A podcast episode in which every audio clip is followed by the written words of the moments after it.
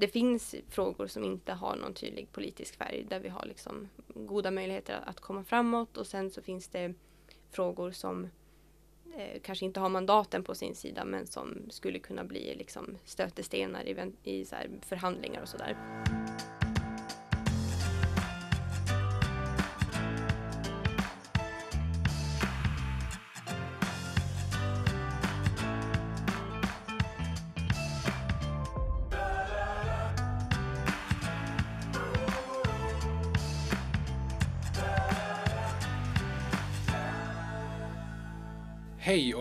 Hjärtligt välkomna ska ni vara till Djurens Rättspodd på Djurens Sida. Jag heter eh, Sebastian Wiklund och arbetar som samhällspolitisk chef hos oss på Djurens Rätt. Och jag sitter här tillsammans med Matilda Kilefors, politisk sakkunnig.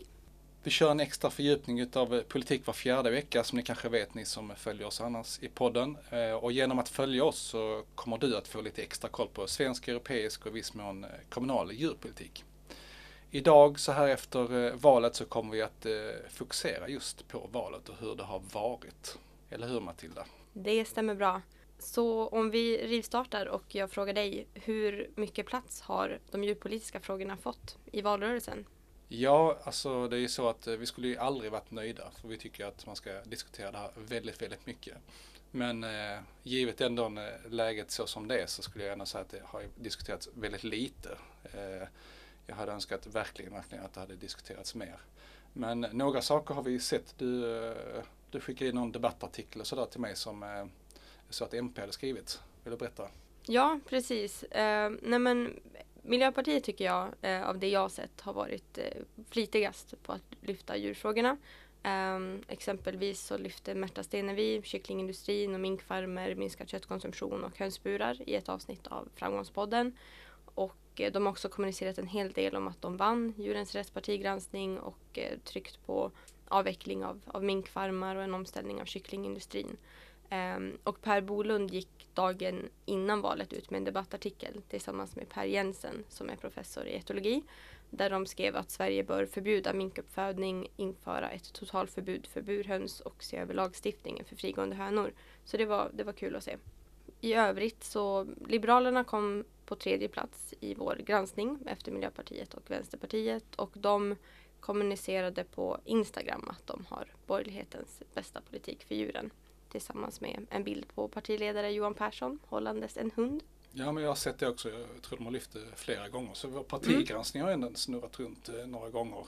Ja, absolut. Man, man, också, man minns nästan inte men det var ju ganska tidigt som Marcus Oskarsson på TV4 också tog upp vår partigranskning. Så där eh, fick man också in lite eh, djurpolitik och fick lite, lite ljus på våra frågor så att säga. Mm, absolut. Nej, men det har varit ett, ett eh, viktigt verktyg både för oss och sen för eh, partierna eh, att kunna använda sig av den i de, i de fall som de har varit stolta över resultatet. Mm. Bör väl sägas. Men, men om man tittar lite på partiledardebatter och sånt där som har varit så eh, man skulle kunna tänka sig att man kanske kunde diskutera i samband med klimatfrågan man eh, minskar på eh, att äta kött och så vidare. Men det har ju varit ganska frånvarande den diskussionen också. Känns som de flesta har, har duckat för det eh, under den här valrörelsen. Och det är ju även, även klimatfrågan har ju stått tillbaka så att säga. Så det, det kanske hänger ihop. Ja, precis. Nej, men det är ju tätt sammanlänkat med ödesfrågor såsom klimatförändringar och pandemier och antibiotikaresistens. Men som du säger så hamnade allt lite i, i skuggan där. Mm. Eh, en sak som jag lade märke till under en, eh, jag tror det var SVT partiledardebatt, som, eh, då tog man upp det här med trålning. Det var några stycken som tog mm. upp det. Bottentrålning i, i Östersjön. Och det är inte en fråga som vi har jobbat supermycket med men det är verkligen en fråga vi, vi, vi känner för väldigt mycket. Liksom. Det är en otrolig behandling av fiskar som man gör då i samband med den här typen av fiske. och man också förstör ekosystem som där, där fiskarna bor i övrigt så att säga. Mm. Eh, så att eh, en liten, liten plus på det. Man får se, man får se, det, får se det ljusa när det inte varit så mycket men eh, jag hoppas verkligen att det finns en övrig, att de kommer överens här också att eh, sluta med den här bottentrålningen minst sagt i Östersjön.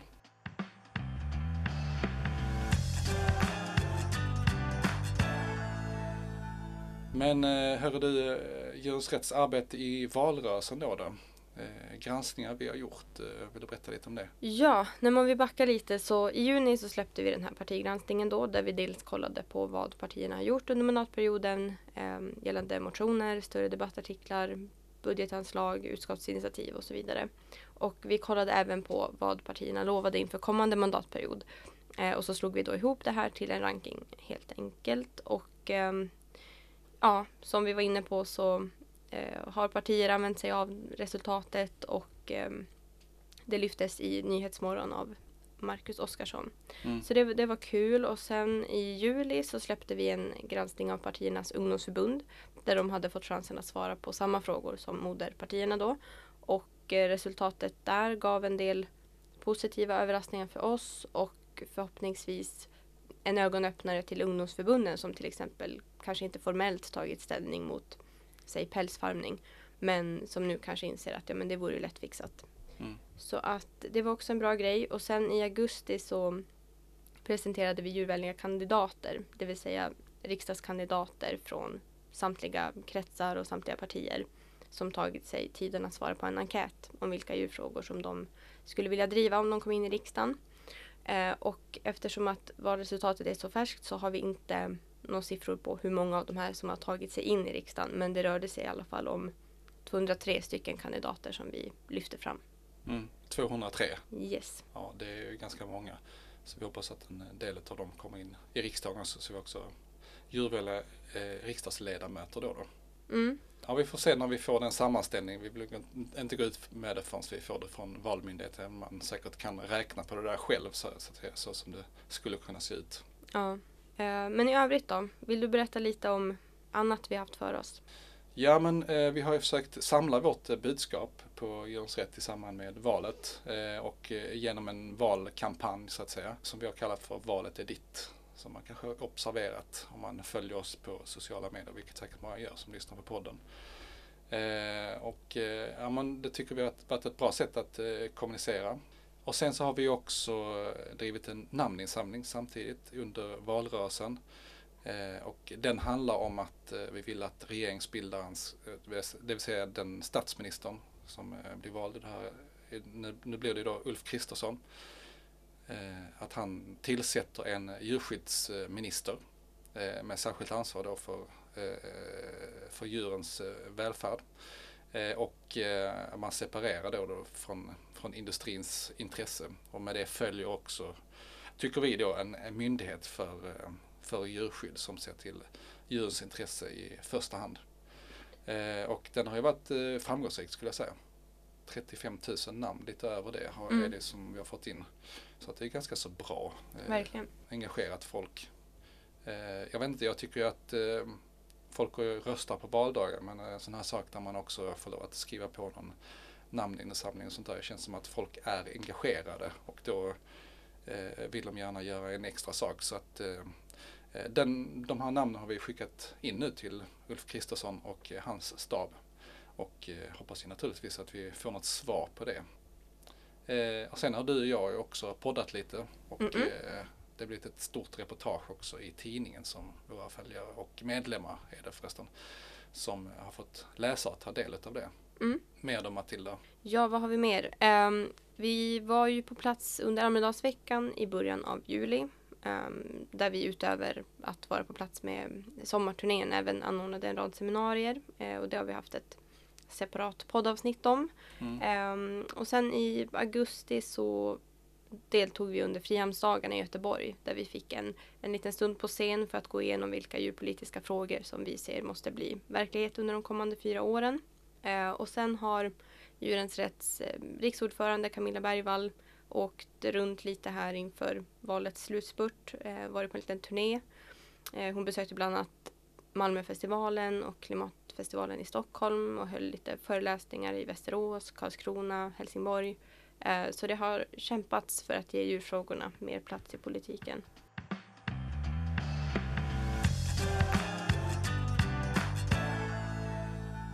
Vad gör vi nu, tänker jag? Vad händer nu? Tänker att ehm, lyssnarna vill veta lite om.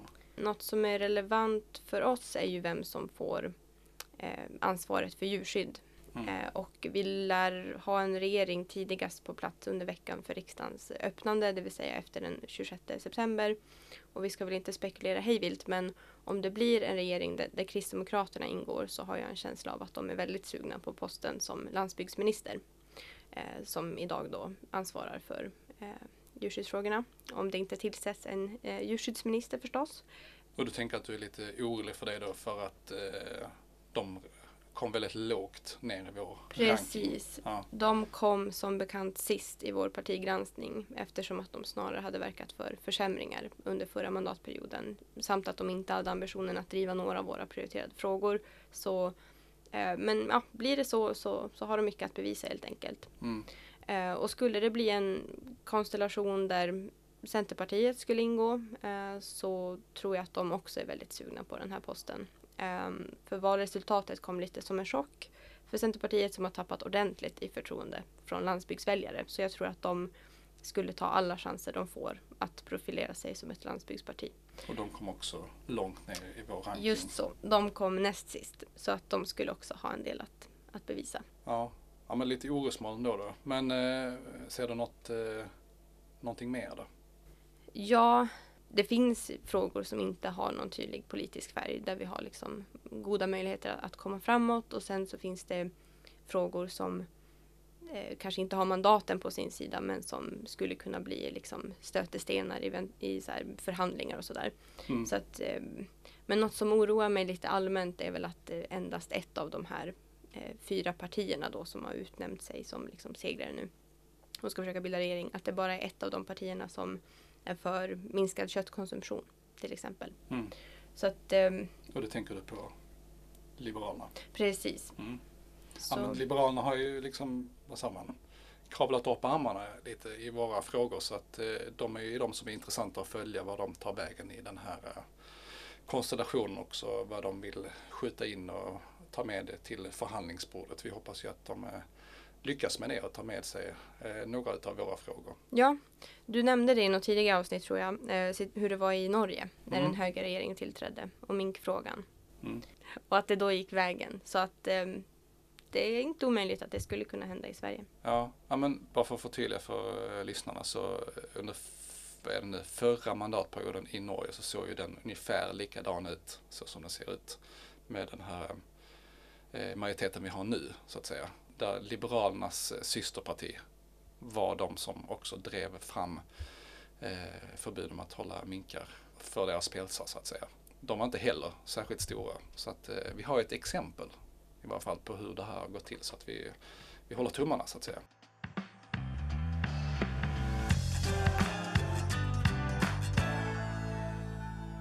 Men eh, om vi då går in på, eh, jag kikar lite på så här ändrade majoriteter och så. Mm. Eh, så vi har ju som tidigare nämnt tagit fram den här partigranskningen eh, och nu när vi då har den nya mandatfördelningen på papper så utgick jag lite från då hur partierna svarade på enkäten och tittade på om vi ser några intressanta skillnader i stöd för våra prioriterade frågor.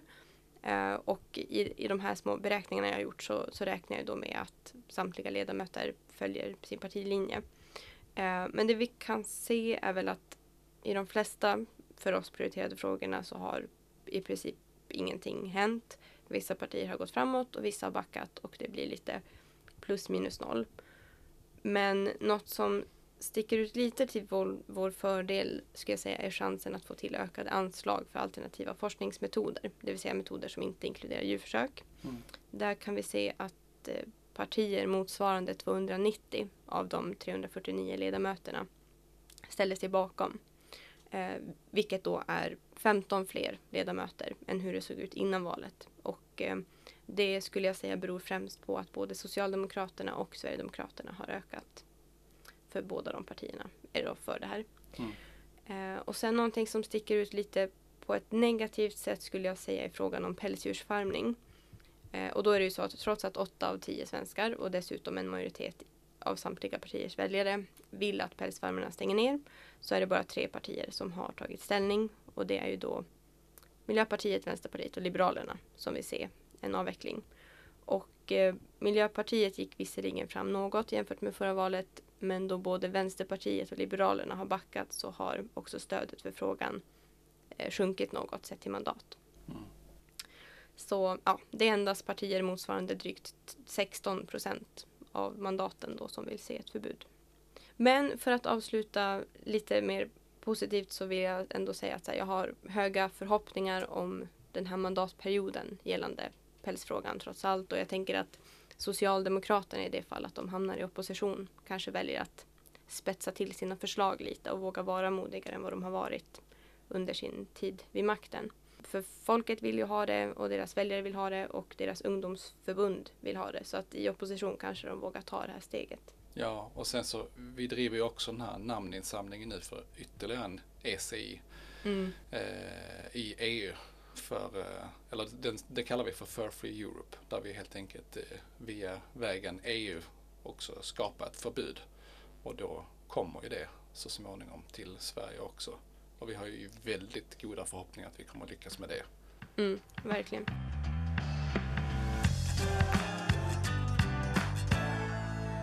Nej, men det var lite spaningar om förändrande eh, majoriteter och sådär. Och, eh, men jag tänker om jag bollar över till dig. Vilka frågor utöver de vi redan har varit inne på måste bli verklighet under de här kommande fyra åren?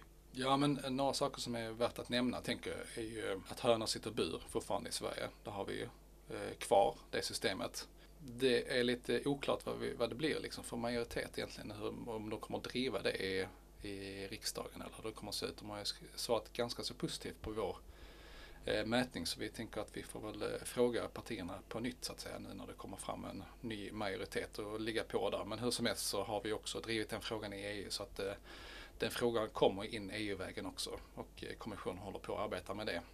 Så att eh, det här kommer att eh, röra på sig oavsett hur det ser ut. Men vi vill ju såklart skynda på den här processen och Sverige har ju inte så långt kvar heller för att fasa ut de sista procenten av hönor som sitter i burar. Mm. Så den, den, tycker jag är värd att nämna. Så även om oavsett vad de tycker så kommer de att förr eller senare behöva ta tag i den här frågan helt enkelt i Sverige. Ja. Eh, och sen så en annan fråga som också är intressant att eh, lyfta tycker jag. Det är ju eh, att slaktföreskrifter kommer också uppdateras på, först på myndighetsnivå då så att säga. Så att eh, den, den frågan kommer att, eh, att bli aktuell. Och vi, vi spanar på den, håller utsikt, ser vad vi kan så att vi kan föra in våra åsikter i samband med detta här. Så det, det kommer att hända någonting här. Men vi hoppas ju att man eh, vågar fatta så djärva beslut som möjligt. Eller så här liksom, som, som också lever upp till den djurskyddslag vi har så att säga, som matchar ja. den. Att vi har föreskrifter som det, som matchar den. Det är lite av det som vi brukar kritisera. att eh, eh Föreskrifter och förordningar inte matchar den lag vi redan har på plats. Man måste kunna också leva upp till den tänker jag. Mm. Så det är två saker som jag tycker är värt att nämna inför eh, den här mandatperioden. Ja, och um under nästa halvår så kommer Sverige vara ordförandeland ja, i ministerrådet precis. i EU. Mm. Har du några tankar om vad det kan innebära för våra frågor? Ja, alltså det är ju så himla långt emellan ordförandeskapet eh, som vi har här i Sverige. Så man, jag kan inte riktigt, eh, jag minns inte riktigt hur det var eh, senast så att säga. Men ja, jag skulle, 2009. Jag skulle, ja, precis. Eh, det är ju jag skulle gissa att så fort eh, valet lägger sig så är det det här man kommer att börja diskutera i Sverige. Det kommer bli mycket EU-fokus med, med tanke på detta. Mm. Eh, och ehm, jag tycker att Sverige ska stötta de förslag som så att säga redan ligger på bordet från EU eh, med en ny djurskyddslagstiftning som också eh, ska vara så, så bra som möjligt. Ja, men en fråga som kommer att komma ofta är då att djur inte ska sitta i bur och det gäller då alla djur i, i EU medan det bara är hönor då i Sverige. Så att den kommer att komma upp. Men även eh, djurförsöksfrågan, den kanske vi kan säga någonting här strax om också. Mm, varför absolut. den är, är, extra intressant. Avsluta med en glad nyhet. Ja men precis. Eh, och eh, ja, men, det är en massa frågor i den här nya uppdateringen av djurskyddslagstiftningen i EU. Så att det här behöver eh, eh, Sverige följa och, eh, och arbeta med på ett bra sätt, tänker jag. Men mm. vad, vad, är det vi pratar om här med, med djurförsöksfrågan? Vill du, vill du berätta om det ja. Eh, jo, precis. Nej, men det är ytterligare ett sånt här europeiskt medborgarinitiativ. Eh, detta vid namn Save Cruelty Free Cosmetics. Och det gick i hamn i, under månadsskiftet augusti-september på 1,4 miljoner underskrifter. Och de här ska räknas och valideras men golvet för att det här liksom ska hamna på EU-kommissionens bord är en miljon. Så att det, det kan vi i alla fall eh, säga att vi har klarat. Eh, men du kanske kan dra lite mer detaljerna kring vad, vad syftet var med det här. Ja men det finns ett, eh, kanske inte så exakt så som det benämns, men det finns ju ett direktiv då att man inte ska testa på djur för kosmetika i EU och att eh, det har dragits det för att det skulle liksom eh, upphävas och det här namnunderskriften handlar om att den inte ska göra det, att man ska fortsätta med att den det inte ska testas på djur i de här regulatoriska testerna som handlar om eh, eh kosmetika. Och eh, det är det ena, men det man också tog med då också att det ska finnas, i och med att det finns ytterligare då ett direktiv att man också ska, ska på sikt fasa ut djurförsök i EU. En ganska så god ambition, men man har inte kommit så långt. Så till den här medborgarinitiativet så slängde man även med att man skulle utveckla en handlingsplan för att komma dit. Mm. Och det känner ju lyssnarna igen att det har vi ju drivit också på här i Sverige. Så att nu kommer den upp på bordet i EU och ehm, eh, vi hoppas att den får stöd hela vägen. Det är såklart otroligt mäktigt när en sån här medborgarinitiativ lämnas in. Jag tror det här är sjunde i EUs historia som, vi, som detta görs, varav en har vi gjort tidigare, vår rörelse. Så att eh, vi följer den utvecklingen.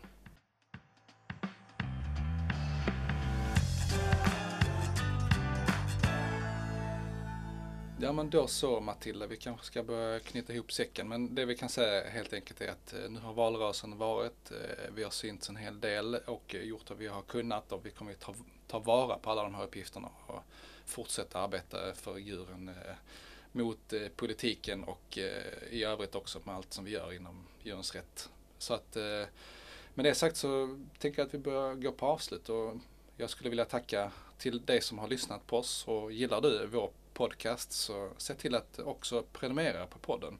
Då missar du nämligen aldrig när ett nytt avsnitt släpps ut i din poddapp. Yes, och det är tack vare våra månadsgivare som vi kan fortsätta göra skillnad för de djur som är flest och som har det sämst. Och eh, som ni hör så finns det mycket som vi vill förändra under den här kommande mandatperioden och för det behöver vi såklart din hjälp. Så gå in på www.djurensratt.se medlem och bli månadsgivare idag. Ha det fint tills vi hörs nästa gång och tack för att du står på djurens sida. Hej då!